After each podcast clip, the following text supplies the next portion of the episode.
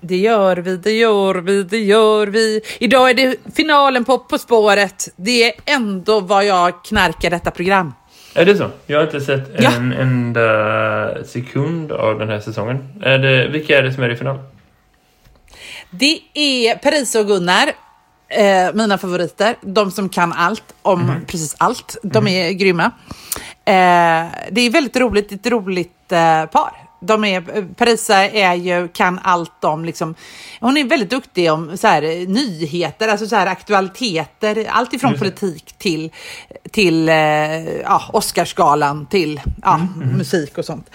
Och så kan Gunnar, han är historiker och kan allt om, om gamla eh, ja, kungar och sånt. Och, så, eh, och han kan verkligen allt om det. Så han kan liksom leta fram saker ur sitt huvud på ett spännande sätt. Ja. Ehm, och sen har vi Josefin, ehm, Josefin och... Eh, Josefin Johansson, Ja. är det komikern? nej, men, nej, Josefin, nej, nej, Josefin hon som är, ja hon är väl komiker, hon med rosa lugg. Ja, ja jo, komiker. Eh, och, och Joar heter han va? Joar eh, Bendjelloul. Ja, precis. Just precis. Dessa två, och de kan ju också allt, eh, fast på ett helt annat sätt. Jag är mycket mera förtjust, de är lite, liksom, lite annat, ja, jag vet inte vad det är, men jag är väldigt förtjust i Paris och Gunnar för att de är så olika varandra. Ja, Fast de ja, är det- ändå jag, så jag bra ser liksom ihop. kontrasterna. Ja, jag förstår vad du säger. Mm, jag är oerhört förtjust i det paret. De vann förra året och jag hejar så stenhårt på dem i år igen. Ja, då Ja. kan vi tänka att vid det laget som någon annan än du och jag hör det här så är det ju redan avgjort och vi önskar vinnaren lycka till oavsett vem det var. Och det finns Ja. ingen chans att vi kan spoila någonting för att vi vet ju inte. Så Nej, att, vi eh, vet inte. Det, förutom att jag vet för ett tag sedan att det tydligen är svin eftertraktat att få biljetter till inspelningen av de programmen. Så svin Jaså? eftertraktat att det ja, ja visst. Det, är liksom, det kan vara det svåraste att få biljetter till i Sverige typ. Helt sjukt. Nej, men, Så att, eh, det kan man ta med sig eh, in i helgen. Annars Karin är det ju så. Eh, jag tänker att alla sportlov i hela detta land är nu över. Och vi är inne i liksom akt två av vårterminen någonstans. 2020. hurra! Ja, jag tycker vi, vi utropar Mm. ett bra och så kör vi igång en jingel på det. Det här är Skolsverige Podden som handlar om den svenska skolan Med Karin Berg och Jakob Mölstam. Oh.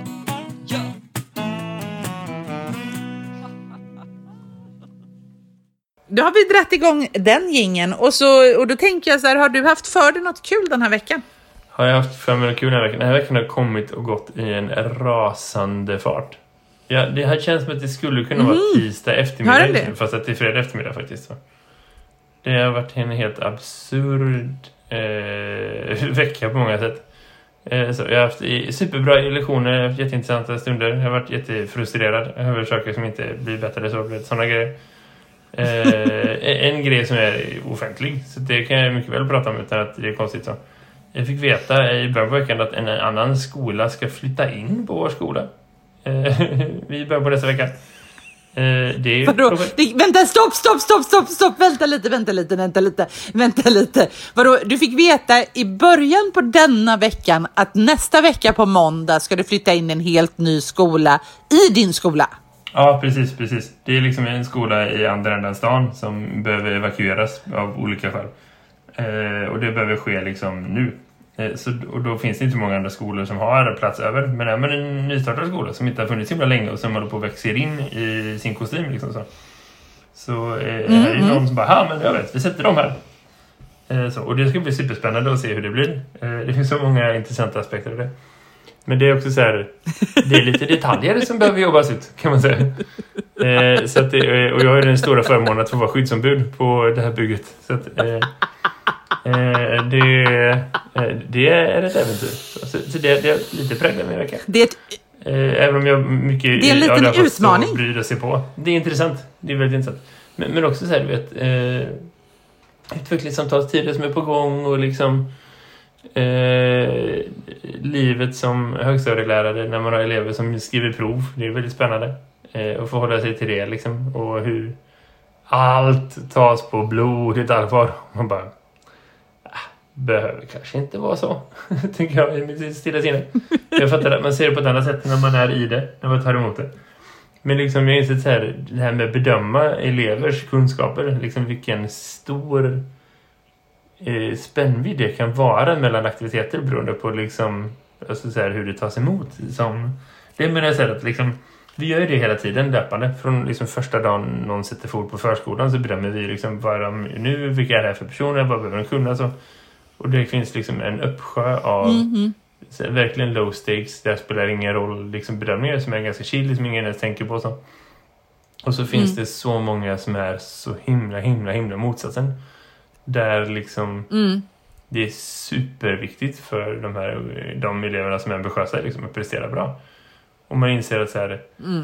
eh, det är inte i närheten av samma planet liksom, av aktivitet.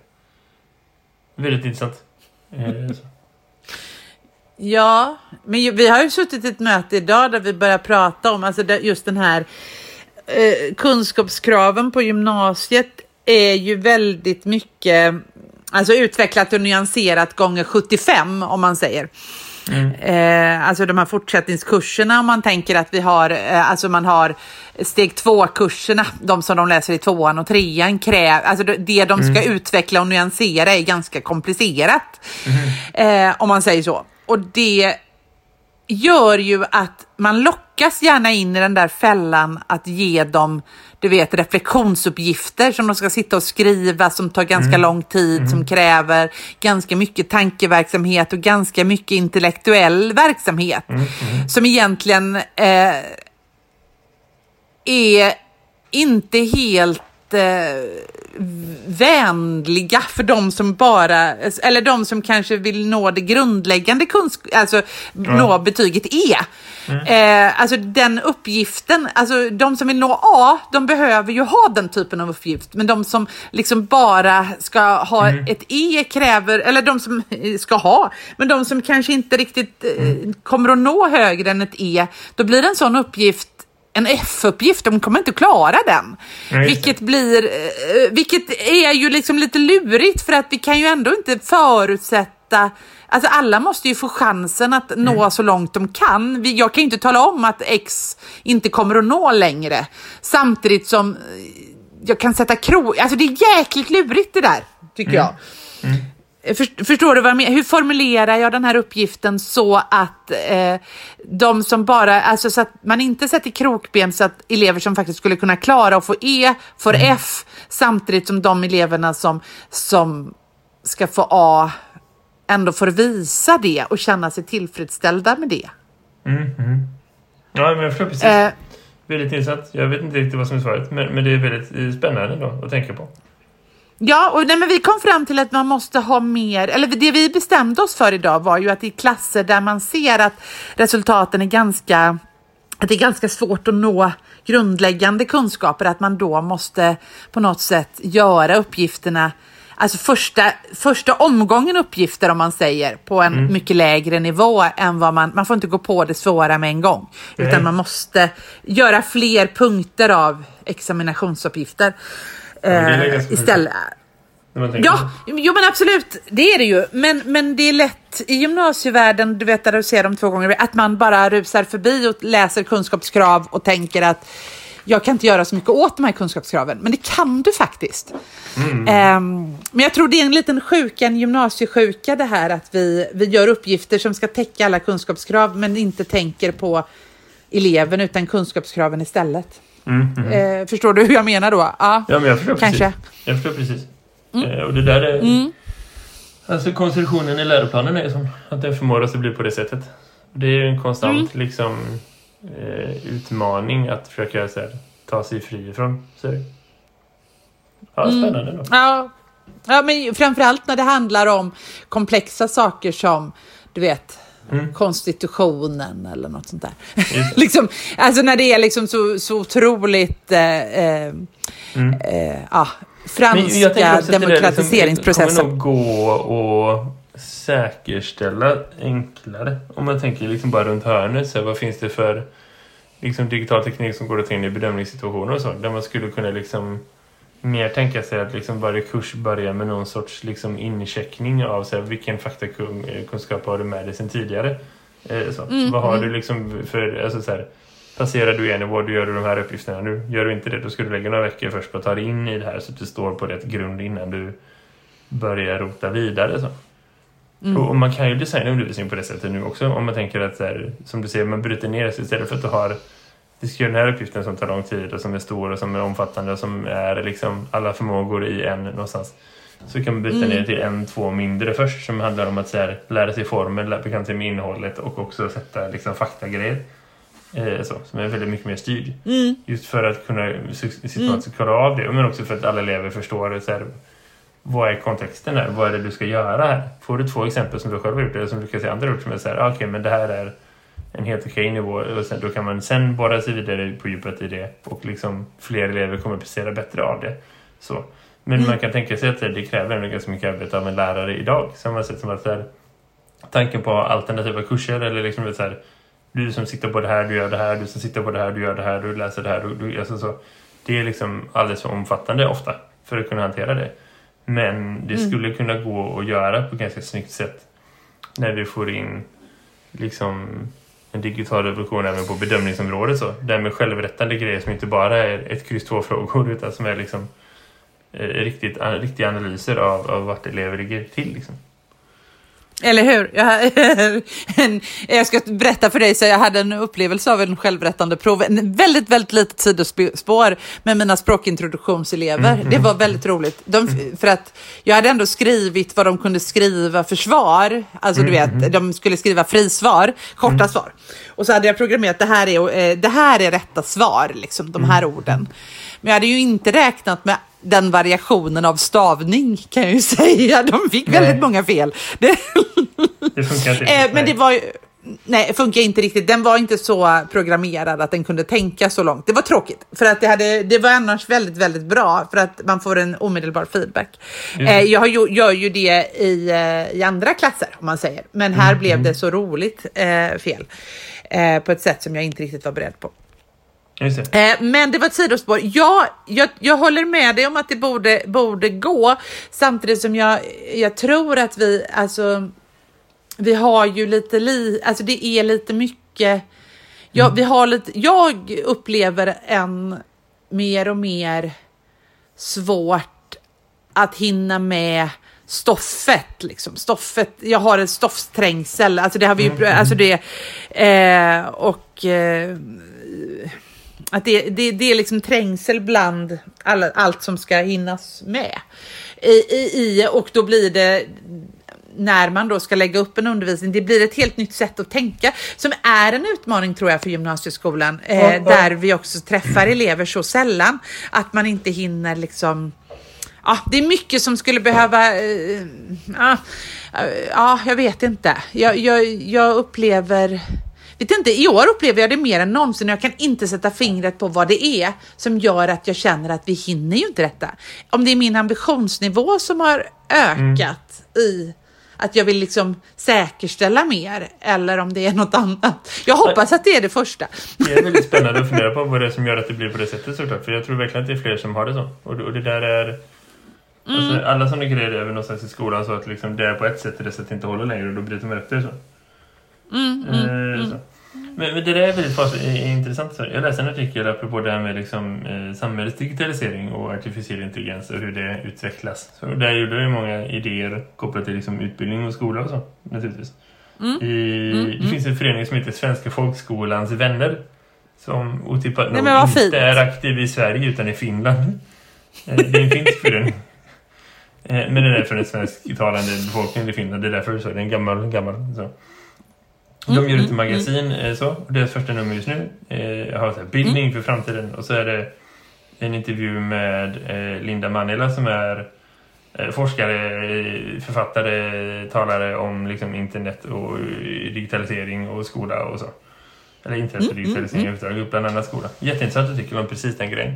Eh, liksom hur samhället utvecklas och liksom vad... Ja, väldigt läsvärd. Jag tror jag lägger en länk kan man ta och borra ner sig i det om man är intresserad av sånt. Jag tänker att man borde göra lite så här till mans lite då och då.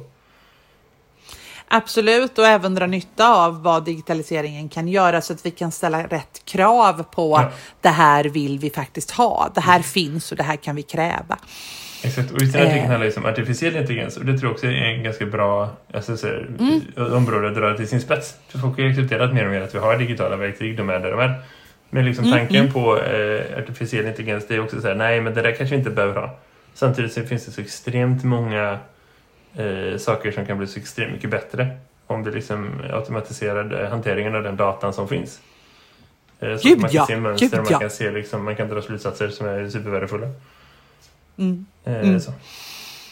Ja men gud ja, det är ju Mm. absolut så. Det är absolut så och som bara skulle kunna eh, komma ut. Men jag tänker att det bara är kod Mm. ibland. Att det här skulle man ju kunna om man bara kodar det på ett annat sätt så skulle man kunna få veta det här och det här och det här. Liksom. Mm.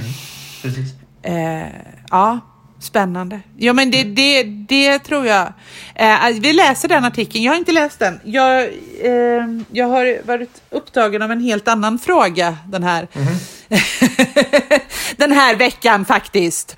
Okej. Eh, för jag läste en helt annan artikel som egentligen knyter an till det vi lovade, eller vi sa i slutet på förra avsnittet att det här vill vi prata mer om. Nämligen det här med, med bildning och rum där man kan få prova, testköra sina åsikter. Det pratade vi om förra avsnittet och man kan nu då pausa och gå tillbaka och lyssna på det avsnittet om man nu känner att man vill vara up, up to date kring det. Eller så lyssnar man bara härifrån och så får man gå tillbaka en annan gång. Eh, men då pratade vi om det och att eh, det är viktigt för unga människor, eller egentligen för alla människor, att det finns liksom rum där man, där man kan prova. Eh, alltså det här att man kan prova sina tankar, prova sina idéer och framförallt när man är 16, 17, 18 år så, så är det ju inte så att man har tänkt klart och man, inte riktigt, man har inte riktigt koll på vad, vad det man säger leder någonstans. Eh, eller hur? Eh, så. Och, eh, men nu har det kommit en forskning som jag tycker är jätteintressant. Det har kommit en avhandling som man skriver om i magasinet Skolporten. Eh, om att i, eh, i, i elitskolans klassrum så är det mycket färre tillåtande debatter. Man får liksom inte ifrågasätta, för det klassificeras som stök. Just det. Och då kan det bara vara så ideologiskt kritiskt, typ. Eller liksom bara Ja, att- ifrågasätta när man pratar om det. Ja, egentligen all typ av ifrågasättande. Alltså det kan vara ju inom samhällskunskapen att den här ordningen har vi, det här är liksom så här vi tolkar världen. Eh, liksom, och, och jag menar, vi har ju ganska tydliga ramar för vad hur vi ska tolka världen enligt läroplanen. Vi har värdegrund som man Ja, kan liksom, som, man liksom, som vi ska lära ut och vi alla människors lika värde och vi har alla. Eh, men om du inte får, om du ska fostra demokratiska individer så behöver man ju också få ifrågasätta värdegrunden. Man måste liksom få studsa mot den och känna att inte att man blir liksom kastad åt vargarna eller hyschad eller tystad. För då blir det en hierarkiskt samhälle där man inordnar sig i ledet på ett säkert som jag inte är säkert är inte så bekväm med. Eh, men enligt den här eh, forsk, eh, forskning, alltså enligt den här avhandlingen som är gjord av Janna Lundberg, så är det liksom Eh, finns det en del av skolsverige där man har hög intagningspoäng, där det är liksom, eh, alltså hon kallar det för elitskolor, där överordning och karriär står i fokus. Det. Och det är liksom det, det, där det handlar liksom om att, att liksom anpassa sig till en, en elitism och en, en miljö där, där ifrågasättande inte är intressant. Nej. Eh, och hon hade observerat då att elever som kommer dit då att i år ett börjar ifrågasätta varför ska vi göra på detta viset, vad tror du om vi gör så här istället? Men att de då tas liksom åt sidan och tillrättavisas och behandlas som stökiga elever. Just det. Och sen så, så underordnar sig elever och trycker undan sina åsikter och sina reaktioner undan för undan under gymnasieutbildningen för att sen då liksom ha rätat in sig i det hierarkiska ledet. Just det. Och det där, ja, och, jag tycker det är skitobehagligt. Jag blir jättenervös och så har jag funderat lite på vad det är som gör mig så nervös över det där. För jag blir ju liksom superstressad av det. Och, för, och, och, det, och det egentligen så hör det ihop med en annan sak som hände i, i veckan när eh, Okej. man konstaterar, men skitnöjd med att numera så ska vi då, det ska bli lättare för att, att stänga av elever eh, och, och så, för att de stökiga eleverna ska bort ur skolan. Och då blir jag lite sådär att, ja vad är en stökig elev? Tänk om den stökiga eleven är den ifrågasättande eleven. Jo, men det, jag tror verkligen att det är så. För om du tänker efter så är det så här att liksom en, en grej som är väldigt eh, stökig som i det, att det är disruptivt det är att inte passa in i normer såklart av hur en person ska vara i det sammanhanget.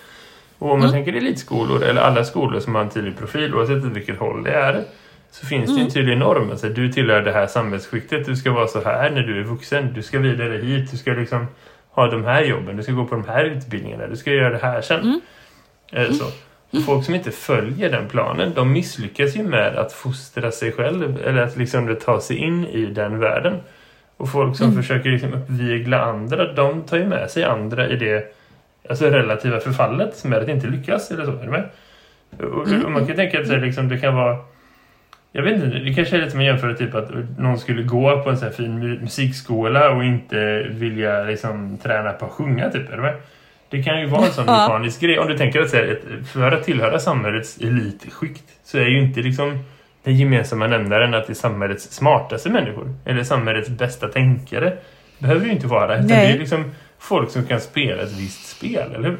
Folk som vet Mm. när man liksom ja, kan ha en åsikt och när man absolut inte kan ha en åsikt. Alltså krasst. Mm. Men liksom, det kan vara en nyckelförmåga som finns i det. Så att det kan vara en del av, av, av den processen, eller blivandet av en sån person. Vet, som är så här, det är inte viktigt för mig vad jag tycker i alla sammanhang. För att ibland sväljer jag det och så gör jag det jobbet som jag har. För att då kommer jag vidare snabbare och då kan jag liksom komma hit till mitt mål. Det, det kan vara en förmåga. Jag säger inte att, man ska, att det är en bra person. Eller att det är en demokratisk medborgare. Eller att det är liksom så. För jag tror både du och jag är fostrade på ett annat sätt. Där man har liksom gränser som är så här. Nej, det där kan jag inte stå för. Alltså det där hade fått mig att bränna mina broar och dra. Oavsett vad. Oavsett vad det kostar mig. För att jag kan inte stå för det. Medan det är en grej som om du lär dig att sluta tänka så så kan du bli mer framgångsrik inom vissa sammanhang, eller hur?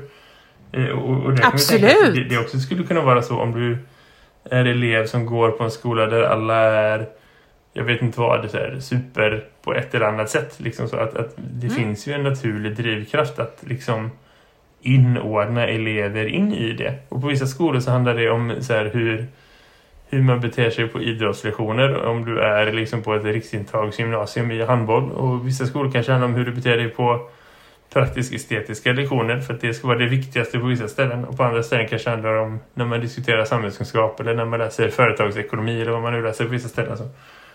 Det där är ju... Ja, ja. Det, jag tror att det skulle kunna vara en sån grej. Är du med? Ja men absolut, och jag tänker ju att egentligen så, så är ju hela skolan en form av uppfostran och inordning och alltså, i, alltså hela skolsystemet är ju att det här ska en människa kunna för att få vara med i det här samhället liksom.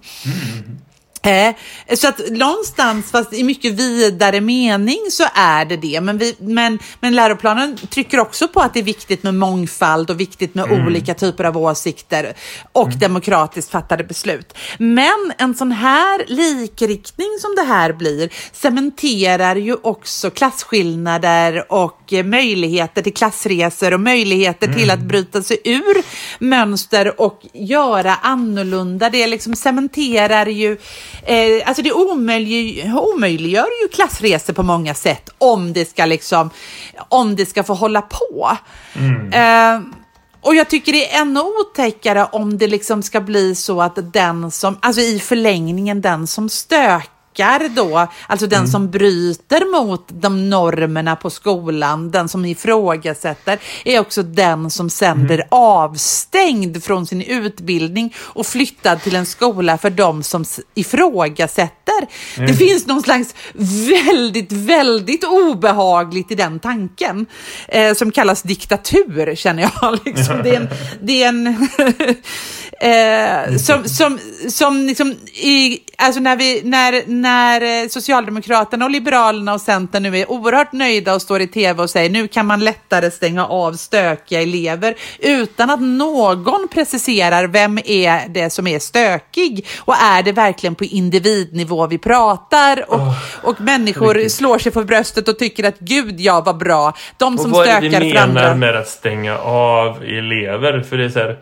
blir de Ja. av med sin skolplikt? Är det det vi pratar? Eller är det så här, nej den får gå här borta istället och då måste vi flytta en lärare från det här arbetslaget som ska jobba heltid med den personen. Hmm, skjuter vi till några extra pengar? Nej det gör vi inte, utan då får alla andra springa 25% snabbare. Är det, det- är det Ja, den det sortens avstängning vi pratar om? För då är det så här, åh tack, tack så mycket, det var precis det vi behövde. Jävla nötter. alltså det är så här, Ja, det, det är, Ja. det, Karin, men det är precis orkar. den typen av, nej men det är precis den typen av avstängning vi Ja, pratar bra, om. För bra, att, bra ni införde det. För det var inte det, det var inte, problemet var inte förut att det var svårt att göra det. Problemet var att det ger ingenting. Särskilt inte du vet när det är så här, ja, de är ändå tillbaka två veckor senare och de bara surare. Och ligger efter i sitt Ja. skolarbete. Ja men absolut, samtidigt som de kanske är tystare, samtidigt som det kanske är så att vi pekar ut, samtidigt som... Alltså det finns så många saker i det här, samtidigt som jag råkar då i min konspiratoriska hjärna, nu ska jag dra det här ett steg till igen. Ja. Eh, och med, med risk för att det är en konspirationsteori, men jag tycker faktiskt inte det, för det här är en spaning som jag ser i hela samhället. För att å ena sidan så står man då och säger, eh, nu så, alltså Mikael Damberg går ut och säger denna veckan också, föräldrarna måste ta sitt ansvar för sina kriminella ungdomar. Samtidigt som vi låter sk- skillnaden i skolan skena. Vi låter liksom, eh, man säger till Else-Marie Hallberg som, som övertrasserade budgeten med 5 miljoner i Hammarkullen att det får du lösa själv för att det ska man inte göra för du får inte göra någonting åt de här ungdomarna. Eller inte ungdomarna utan skolsituationen och övertrassera din budget med 5 miljoner fast ingen har gjort något på 30 år. Så får vi inte göra för marknadssystemet är viktigare, säger man till henne. Eh, samtidigt som det är föräldrarnas fel att ungarna misslyckas i skolan, säger Mikael Damberg. Samtidigt som vi ska stänga av stökiga elever, samtidigt som elitskolorna klassar elever som ifrågasätter som stökiga. Samtidigt, och nu kommer den här hela dragningen, samtidigt som eh, Bylund, jag har glömt vad han heter i förnamn, Bylund, Sverigedemokraten som sitter i eh, i jag public service-kommitté. Vad sa du? Linus vill jag säga. Linus heter han. Han heter Linus Bylund och han sitter i eh, public service. Eh, ja, mm, han har det, det utskottet heter inte, men han sitter i den kommittén Eh, och vill kunna, vill att granskningsnämnden ska kunna bli, äh, fälla, bötfälla eller göra journalister som inte är objektiva i vad han anser vara objektivt. Att de ska kunna fällas med böter eller att de ska bli av med möjligheten att vara journalist. Alltså de Nej. stökiga ska rätas in i ledet. Vi ser liksom det här hela vägen. Föräldrarna får ta ansvar för skit, sina, sina ungar. Vi, eh, vi tänker inte göra någonting åt våra stökiga skolor. Likvärdigheten ska vi inte ha för vi vill inte göra någonting åt den. Och vi stänger av och skickar de stökiga ungarna till en annan skola någon annanstans där någon annan får ta hand om problemet. Och vi låter bara de som rätar in sig i ledet gå kvar. Det var min spaning. Ja, precis. Ja, det är spännande. Jag Kan det vara så? att det hänger upp. Ja, jo, det, är- alltså, det är svårt att argumentera mot för det, jag tror att det stämmer. Jag fördelar det. Men, men det är, ja precis, det är väldigt spännande att se hur allt det där hänger ihop och vilken motiv man har såklart. Jag, jag kan tänka mig när liksom politiker från alla håll och kanter tycker att så här, det är viktigt att vi prioriterar just nu. Att vi har eh, liksom stora pressträffar där vi ska prata om att det ska vara lättare att flytta folk och så. Att, Mm. det, det att man naturligtvis gör det på en, någon sorts eh, väljaranalys av vad är det folk vill ha. Oavsett Mm. om det är riktig analys som är baserad på data eller om det är liksom, vet, fingret upp i vädret. I kombination med att man kan inte göra så mycket riktiga grejer för skolan för det kostar för mycket eller det är liksom för politiskt känsligt med alla avtal och överenskommelser som gäller bara mellan partier liksom om vilka frågor man pratar om och inte. Och då tar man det som finns. Och i brist på riktig politik så har man populistpolitik istället. För att det är väl alla de som har förlorat ett val på. Tänker man. Eh, och så liksom går man den vägen.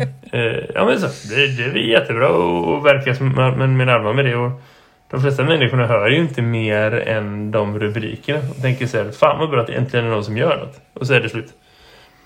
Uh, och ja, då, då är det väldigt kul. Och det kanske de behöver göra för att må bra med sig själva. Men liksom, man ska ju ändå vara noga med att det är ingenting som betyder någonting på riktigt.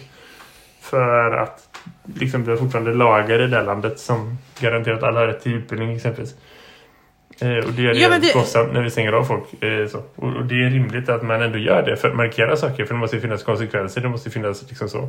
Men det är inte som att liksom svensk skola blev så mycket bättre den här veckan på grund av det faktiskt.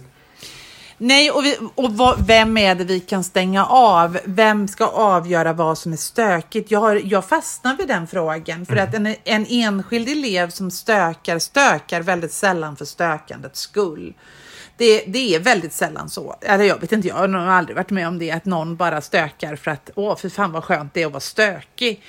Eh, utan det finns ju andra anledningar till stök Men det är inte motivet och... utan det är ju liksom det är ju handlingen som är problemet. Det är inte motivet Ja. utan det är ju liksom det är ju, det är ju handlingen och dess konsekvenser som är det man vill komma åt. Så. Det är ju därför man stänger Men frågan är om du av. För att kommer visa åt folk det. att säga, Jo. Mm. nu måste du fatta att det här är inte okej. Det här får konsekvenser som inte är acceptabla. Liksom.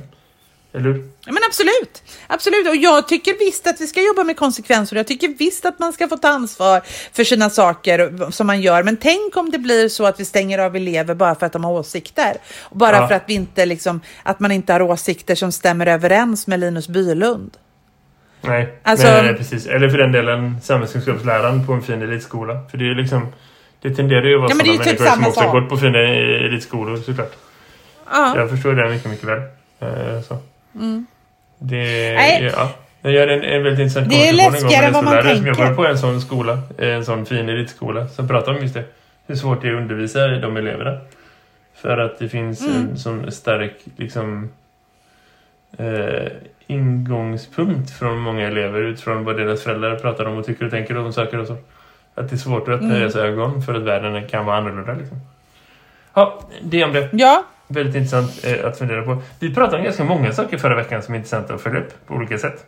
Kommer du ihåg att vi Ja, pratade ja. om eh, eh, systemet med onlineundervisning i Kina efter corona och så?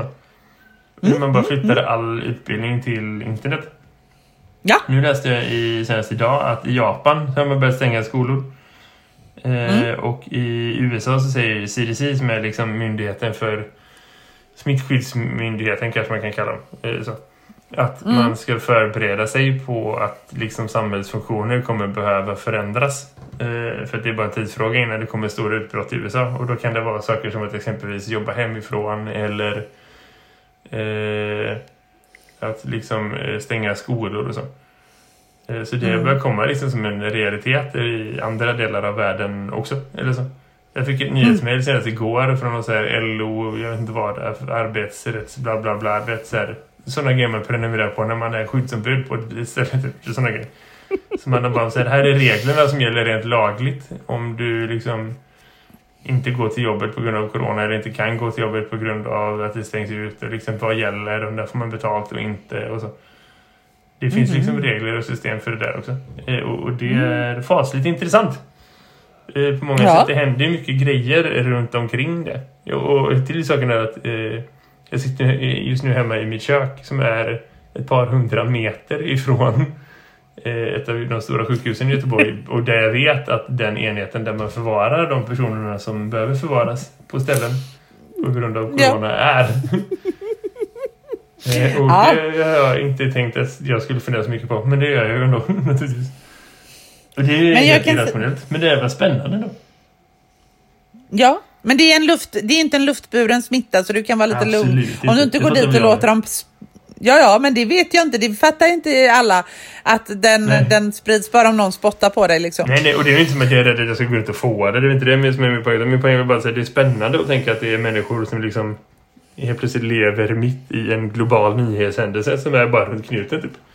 Den grejen Ja, eller intressant. hur? Jag läste att den men- första den personen som fick det nu i Göteborg i början på veckan hade kört sig själv till sjukhuset efter att han hade fått liksom bekräftat att han var positiv. Eh, då tänker jag lite så här, hur skulle det kännas att sitta i, du vet, sätta sig i bilen och bara okej, okay, nu ska jag dra över till Östra då. Det finns så många praktiska detaljer i det. Så packar man sin egen väska? Vad packar man med sig? Vart parkerar man bilen? Måste han förnya den med sms-parkeringen? Sådana grejer har jag tänkt på de senaste dagarna.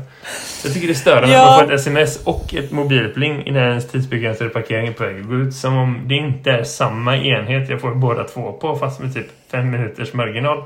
Men mellanrum, jag behöver inte ha både ett sms och ett mobilpling. För mobilplinget är smset, förstår du? Sådana mm, grejer tycker jag mm. synd om att den här människan måste leva i en liksom ständig cykel. Ja, men det är sådana saker, jag kan berätta vad som... Du är, jag hade den här diskussionen med min tioåring och min 14-åring ja, häromdagen om... Alltså nu, corona... För först var ju corona, corona, det är i Kina och det, ja. man, vi har ingen... Det är lugnt, liksom, det kan vara i Kina. Och sen blev det ju liksom corona, första fallet i Frankrike. Då var min 14-åring i byn bredvid. Där det var, alltså i mm. Alpbyn, det var, ett, det var något, några britter som hade fått corona i den ena byn i Frankrike. Mitt barn mm. var var i den andra byn i Frankrike. Det var ju skönt. Och han bara, ja det är ändå corona i den andra byn. Mm, ja mm. men det är lugnt sa vi. Liksom, så det, ja det är lugnt. Och så kommer han hem och så blir det ju corona här nu i Göteborg. Mm på Östra mm. sjukhuset. Vi bor inte jättelångt ifrån varandra du och Jakob. Så att det, ja, mina barn är ändå väldigt, har väldigt koll på det. Och då så säger jag ändå liksom som den mamma jag är, precis som jag sa till dig, för de är ju oroliga för att de ska få corona. Mm. Och då så mm. säger jag att nej men hörni, alltså det är ju överdrivet och det är ju inte värre än att vi får någonting annat och det kommer inte mm. att hända. Jag lovar er att det är mm. väldigt lugnt. Och då tittar bägge två på mig. Du sa att Trump inte kunde bli vald heller. Mm. Ja, det är så att... De har fortfarande förlåtit dig. Nej, och det där är svårt. Det är jätteintressant. Eh, tillbaka till liksom hur man pratar om undervisning. För det är klart att jag har fått massa frågor om det också. Eller så. Ja. Undervisar i NO, i, i, i liksom unga människors vardag. Så det är klart att de vänder sig. Mm. Bara, du, vad gäller egentligen med det här? Och vad händer med det här? Och nu finns det här. Och de har hört saker. Och du vet. Jag läste en jätteintressant mm. text på WHOs hemsida. För att Eh, jag hade anledning, skitsamma, vi sidan om jobbet så det, det är en grej. Jag var mm. inne på deras hemsida och läste på lite om, om deras rekommendationer. Och så eh, mm. har de liksom vid sidan om det identifierat att en av de största riskerna med eh, corona är över liksom explosionen av information som finns, framförallt från otillförlitliga källor. Mm. Så. För att det sprids mm. extremt mycket dåliga råd. Allt från bara så här, det här mm. kommer inte hjälpa dig till liksom direkt hälsoskadliga liksom råd om så här, drick blekmedel så kan du inte få det. Du vet grejer som är så här, nej, det där behöver du inte göra. så, eh, liksom, till att bara så här, vet, så här, ät mycket vitlök och man bara, ja nej, det där är nog inte heller en grej men visst vill du så får du liksom. Så det, det, det är ja. jätteintressant hur, hur det ändå finns den dimensionen av det också, är det så? Eh, vi får väl se vad som är det. Men det är ändå en intressant utveckling som går jäkligt snabbt och som får alla andra samhällsfrågor att försvinna. Eller hur? Det är så här, vad hände ja, med, protesterna i Hongkong? Vad hände med det där kriget som var på väg att bli tredje världskriget mellan Iran och USA? Allt det där är bara borta typ. Ja, i alla fall i våra nyhetsflöden. Eh, det enda så, ah, ja. eh, det, det, är ju liksom helt, helt, eh, helt borta. Eh, och man känner liksom att, att man, liksom det är bara corona, corona, corona. Och, mm -hmm. eh, men samtidigt så blir jag ju lite nervös just på grund av att jag har liksom lugnade mina barn. Trump kan aldrig bli vald och det är ingen -hmm. fara med corona. Så känner jag bara, bara jag inte, för jag är så himla lugn med att det inte är någon fara med corona. Jag är superlugn med det. Men jag känner ju, tänk om jag liksom står inför mina elever, för jag har också pratat med mina elever framförallt, framförallt om i medier, samhällelig kommunikation och vi har pratat mm. om konspirationsteorier kopplat till sånt här och vad, alltså mm. hur det sprids på nätet och hur vi liksom. Mm. Eh, men så kände jag sådär när jag gick ut ja, det var förra veckan från den lektionen att tänk nu om, jag, om det blir en pandemi där liksom halva Sverige dör. Och så har jag bara sagt att det är en konspirationsteori.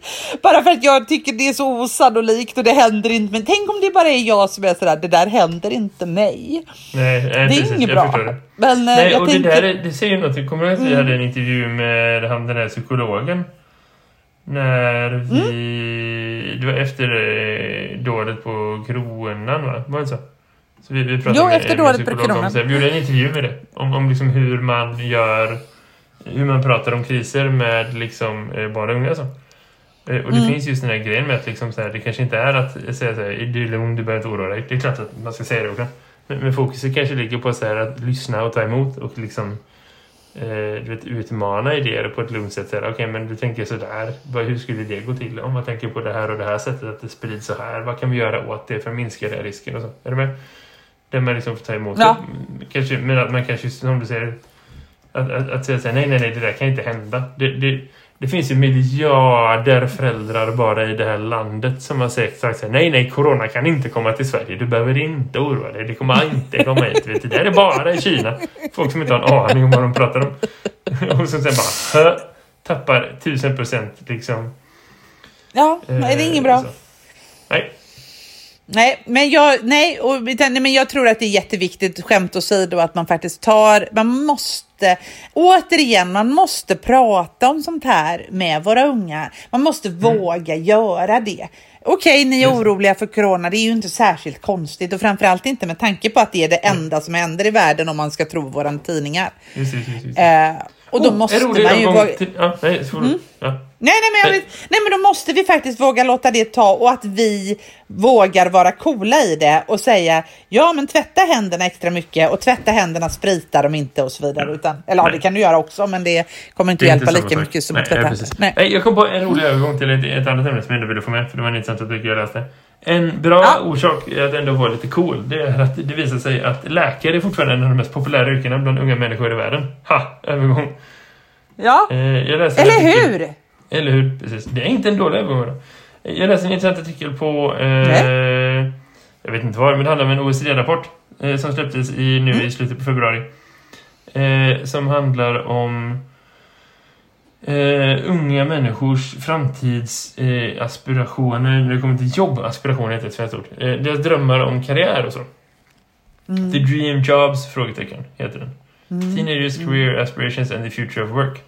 Eh, du vet varje år Okej. man gör PISA, eller varje gång man gör PISA-undersökningen så är det en massa 15-åringar som svarar på det. Vet du hur många unga deltagare som är i PISA för det första? Nej, En halv miljon. Varsågod. Det är en absurd Va, 500 000? mängd. 500 000 15-åringar från 41 länder är vad vi pratar om när vi pratar om PISA. Eh, och förutom att de får svara på massa frågor om saker så får de också svara på frågor om saker. Nämligen eh, vad de tycker och tänker. Eh, om Ja. typ framtiden och jobb och så. Så, så kan man liksom få lite, lite festlig data om det, för man jämför det med deras svarsresultat. Så då kan man se att liksom så här, Mhm, högpresterande pojkar vill bli det här. Högpresterande flickor vill bli det här. Lågpresterande pojkar vill bli det här. Och så. Eh, Okej, så vad blir- vill- vad-.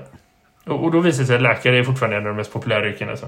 Och det finns liksom, om du tänker dig, om du skulle göra en lista på så här, tio yrken, så här, standardyrken, så är det typ de tio yrkena som är mest populära eh, för 20 år sedan. Det är typ exakt samma yrken som är mest populära nu också. Det visar sig att liksom, om man ska sammanfatta den här rapporten i en mening så är det att det har inte hänt någonting på 20 år. Eh, gudarna ska veta att arbetsmarknaden har förändrats på 20 år, men liksom resultaten av de här 15-åringarna som jag frågar, för de har ju alltid gjort när de har gjort PISA, vilket är typ 20 år. Är så här, nej men vet killar som är bra på matte och teknik, eller ma- matte och NO, de vill bli liksom ingenjörer. Okej. Eh, tjejer vill jobba med människor i större utsträckning än killar. Okej. Eh, det finns en jättestor könsbarriär mellan killar och tjejer när det kommer till att vilja jobba inom matematik och teknik. Ja, okej. Eh, så. De som väl ser framför sig en framtid inom yrkes, yrken och branscher som är mest eh, hotade av eh, samhällets automatisering och digitalisering. Ja, men det är de lågutbildade killarna. Nej, eller lågpresterande killarna. De som liksom gör dåligt på PISA som man kan tänka sig inte kommer gå vidare till en universitetsexamen. Så. Det där är ju liksom världens mest förutsägbara resultat och det kan man bli deprimerad över eh, på alla sätt. Det är med liksom hur unga människors eh, eh, framtidsdrömmar och karriärambitioner eh, inte har förändrats mycket över tid. Jag tänker om man ska ge sig på en analys att det dels handlar om att unga människor inte vet så mycket om arbetsliv och så. Mm. Eh, och att vi inte lägger så mycket energi på studie- och yrkesvägledning som en del av skolans undervisningsuppdrag. Eller så. Det kommer in någon annan person och hjälper till lite. Men man skulle lägga mer energi på att liksom göra det till en del av undervisning, tänker jag. Ja, vi har ju fått, vi, jag måste ju skriva för mitt program en SYV-plan, en studie och yrkesvägledningsplan för mina elever. Alltså vad jag förväntas, eller liksom vad eleverna kan förväntas bli om de går mitt program. Men mitt problem blir ju att jag Mm, mhm. har ju också svårt. Förstår du? Alltså det, det är ju inte så himla lätt det här med, jag är ju också liksom, jag är ju född 1975. Eh, vad, alltså vad vet jag om yrken? Alltså jag tycker ändå att jag vet mer än många. men, men, Nej men det vore bra om lärare fick fortbildning i det naturligtvis. Men jag, jag tänker också så du vet bara så här, när man undervisar om saker att man också introducerar sig hur är det att ha det som jobb. Typ. ja, är du med? jo, jo. Eh, Det finns en ganska tydlig koppling. Nu har jag lämnat ett biologiområde med mina sjuor bakom Mm. mig exempelvis. Det har varit intressant att lägga mer tid på så här, vad gör man om man jobbar som det här och det här och det här och det här. Det behöver inte vara liksom att släppa in en tant som berättar utan det kan ju vara liksom att man bara designar sin undervisning så att det är lite mer lättare att själv visualisera som elev. Aha, det här betyder det här. Eller hur? Och jag tänker också att eftersom studie och yrkesvägledarna ska liksom svara på de frågor som eleven ställer snarare än att säga det här borde du bli, så blir det ju också liksom cementerande på ett sätt som, som kanske på ett sätt jag, jag kan förstå, men på ett sätt så blir det lite synd. Eh, för att det blir liksom inte Ja. Alltså världen förändras ju uppenbarligen och eh, vi behöver liksom andra yrken och inte de här yrkena som automatiseras och så vidare och så vidare. Och så vidare. Alltså det där är ju, tål ju att tänkas på helt, helt klart på ett annat sätt än vad vi... Ja, spännande ändå. Vad vi gör nu. Det är, så att, du Karin, det är dags att börja runda Ja! någonstans. Om du ska hitta ut ur Ja! det här avsnittet. Om, om du skulle sammanfatta bara vad vi har pratat om. Vad är det här egentligen? Ja, vad vi pratade om. Nej, men jag tycker att det mest spännande, jag ser fram emot att få höra nästa vecka. Jag gör så istället. Jag vill höra nästa Mm. vecka om hur gick det när du fick en skola i din skola? Ja, jag kanske inte kommer att prata så mycket om det. Vi får se. Men eh, vi får, det beror på. Jag tänker att det tar tid innan det kommer in. Men hur som helst Karin, det har varit trevligt att prata med dig. Eh, vi rundar av samtalet och veckan och avsnittet Ja. eh, här. Och så hörs vi vi nästa det. gång. Ha det bra. Hej då. hej. Det här är Skolsverige